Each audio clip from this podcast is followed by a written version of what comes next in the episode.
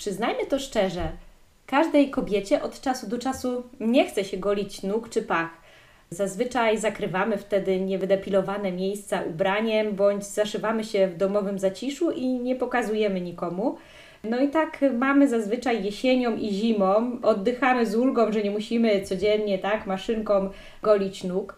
Ale jak już wiecie, to też ten okres jesienno-zimowy najlepszy czas, by rozpocząć trwałą depilację i nie martwić się nieogoloną pachą albo nogą w następnym sezonie. Włosy rosną praktycznie na całym ciele, mamy ich setki tysięcy. Ale co jeśli e, widzimy, że nasze owłosienie jest e, dużo bujniejsze niż u innych?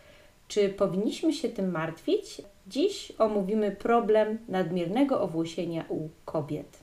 Oh, here you are, face to face in this trashy bar.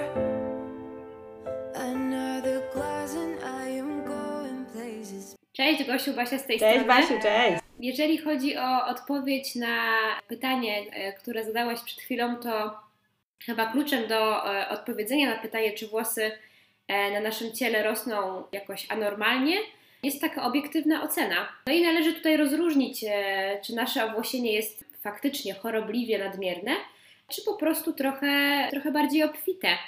No bo na całym świecie istnieje kilka typów urody kobiet i niektóre z nich charakteryzują się większą ilością e, włosów na ciele.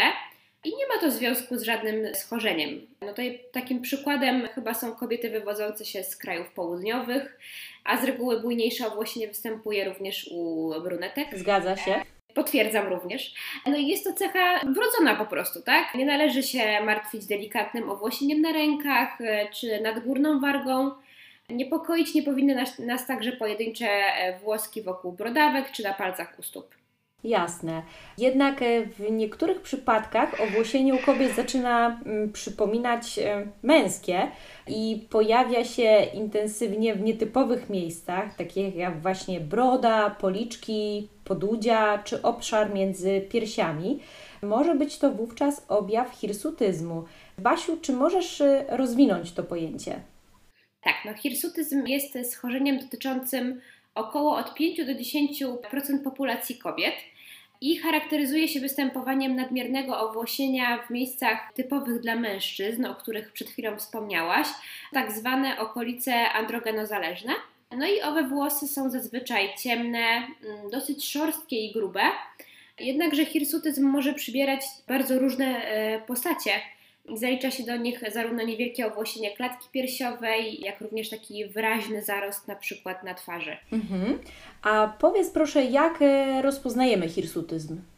Do zdiagnozowania wykorzystuje się e, skalę Ferrimana Gallowaya i przy jej pomocy specjalista ocenia nasilenie owłosienia w, w dziewięciu okolicach androgenozależnych.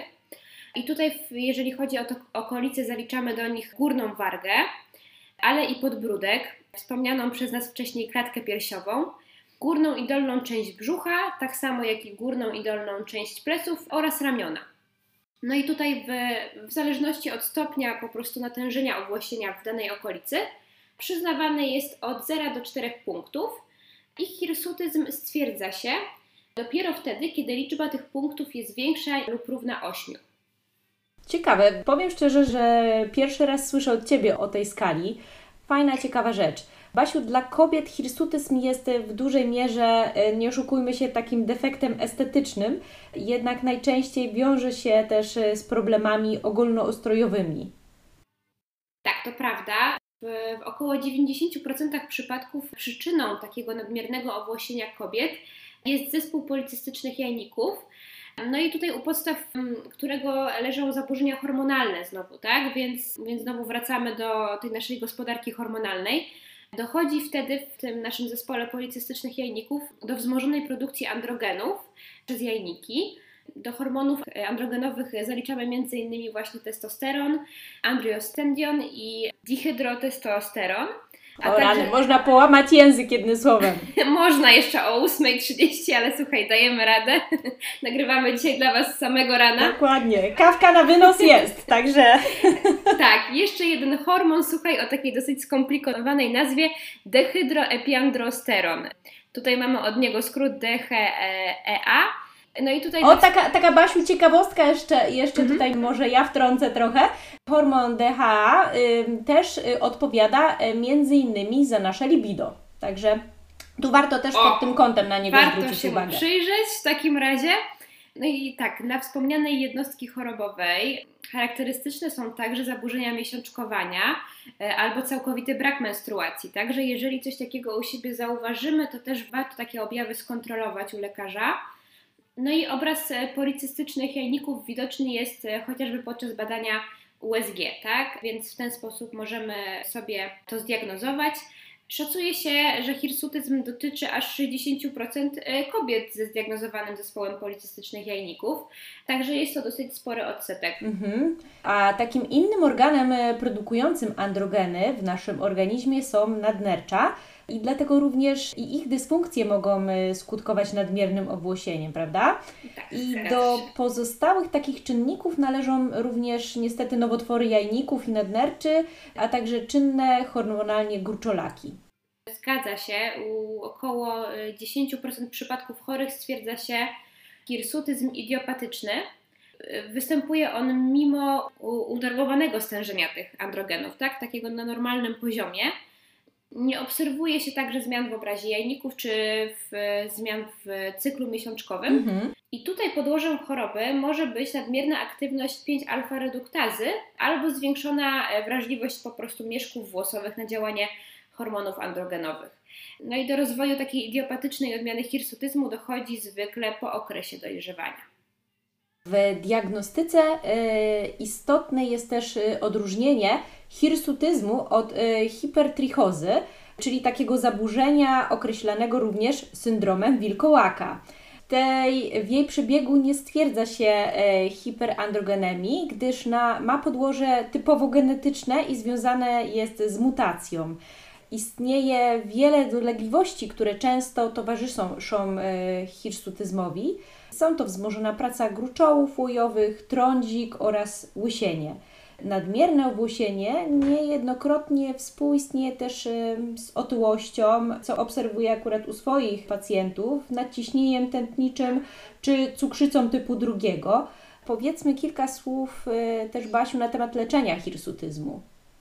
Mhm, no terapii hirsutyzmu zazwyczaj wdraża się leczenie farmakologiczne i do najpowszechniej stosowanych leków należy metformina.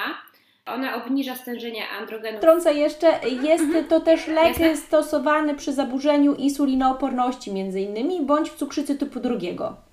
A no właśnie, czyli gdzieś tutaj widzimy, że jak te schorzenia się łączą, powiązane, tak. Faktycznie i ta, tak, te, te, same, te same grupy leków, te same substancje, bo ta metformina, o której mówimy, ona właśnie obniża nam stężenie androgenów we krwi. Można też stosować e, preparaty będące inhibitorami androgenów.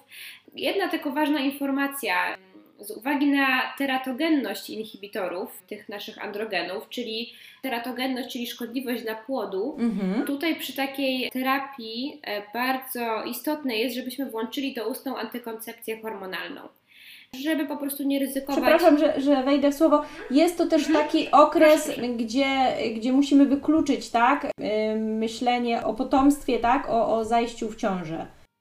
Zgadza się. Zresztą podobnie jest w przypadku retinoidów. Przy takim leku jak izotek, na przykład na trądzik, również powinna być ta terapia y, antykoncepcji hormonalnej wdrożona przez lekarza. Tutaj taki plus, że wdrażając jednocześnie tą antykoncepcję doustną, ona również dodatkowo będzie nam hamowała syntezę androgenów, czyli mamy tutaj takie synergiczne działanie jednego i drugiego leku. Będzie nam troszeczkę tą terapię oprócz zabezpieczenia przed zajściem w ciążę również wspierała pod takim względem. No i, i należy e, pamiętać też, że nawet najlepiej taka dobrana kuracja farmakologiczna może nie spowodować, że to właśnie nam zniknie w 100% i całkowicie, może być tak, że w początkowej formie albo w ogóle ta terapia nam e, po prostu spowolni wzrost włosów, albo te włosy będą znacznie cieńsze i słabsze. No i tutaj się pojawia pytanie, co możemy zrobić, żeby, żeby jakby jeszcze skuteczniej, tak, sobie te, te niechciane owłosienie pousuwać. No możemy właśnie wdrożyć naszą depilację laserową. Czyli Yasumi przychodzi z pomocą. Tak jest, nasza bohaterka podcastów depilacja laserowa jej istotą jest zniszczenie włosa poprzez uszkodzenie komórek macierzystych mieszków włosowych, więc poprzez odpowiednie połączenie obydwu terapii, i tej naszej farmakologii, i tej depilacji laserowej, możemy osiągnąć naprawdę znakomite rezultaty, no i zminimalizować skutki, jakie niesie ze sobą hirsutyzm, tak? Tutaj jeszcze bym tylko chciała powiedzieć, że y, jeżeli zdecydujemy się na leczenie farmakologiczne i na depilację laserową, ważne jest, żeby tutaj współpraca y, lekarza z kosmetologiem była, była dobra, po prostu była dobra komunikacja, musimy wiedzieć, przy jakich lekach możemy wykonywać taką depilację laserową, czy one nie są fotouczulające, a jeżeli są, to musimy zachowywać odpowiedni odstęp między zakończeniem tej terapii farmakologicznej a rozpoczęciem depilacji laserowej. Zgadzam się z Tobą, Basiu, w 100%. Nie możemy sobie po prostu sami podjąć decyzji o jakby połączeniu tych dwóch terapii. Zawsze decyzję podejmuje lekarz, słuchamy się e, jego. Dokładnie. Tak, tak podsumowując, y, występowanie hirsutyzmu y, może w znaczącym stopniu y, oddziaływać na nasze samopoczucie. Na pewno obniża się samoocena i utrudnia to codzienne funkcjonowanie. Pojawia się tak wstyd, zażenowanie. Natomiast taką istotą jest wówczas prawidłowa diagnostyka oraz przedsięwzięcie odpowiedniego leczenia. Dziękujemy za wysłuchanie dzisiejszego odcinka. Było niezwykle biochemicznie, moim zdaniem, także przepraszamy za plątanie e, języków. Tym razem tak. Dokładnie, zwłaszcza o, e, o wczesnej e, porze. No i oczywiście, jeśli macie jak zwykle do nas pytania, śmiało piszcie, dzwońcie. Kontakt do nas znajdziecie na stronie internetowej www.depilacjajasumi.pl w zakładce kontakt lub y, poprzez nasze konta na Facebooku i Instagramie. Żegnamy się z Wami ciepło i zapraszamy na następny odcinek. Dzięki wielkie, do usłyszenia. Do usłyszenia, pa!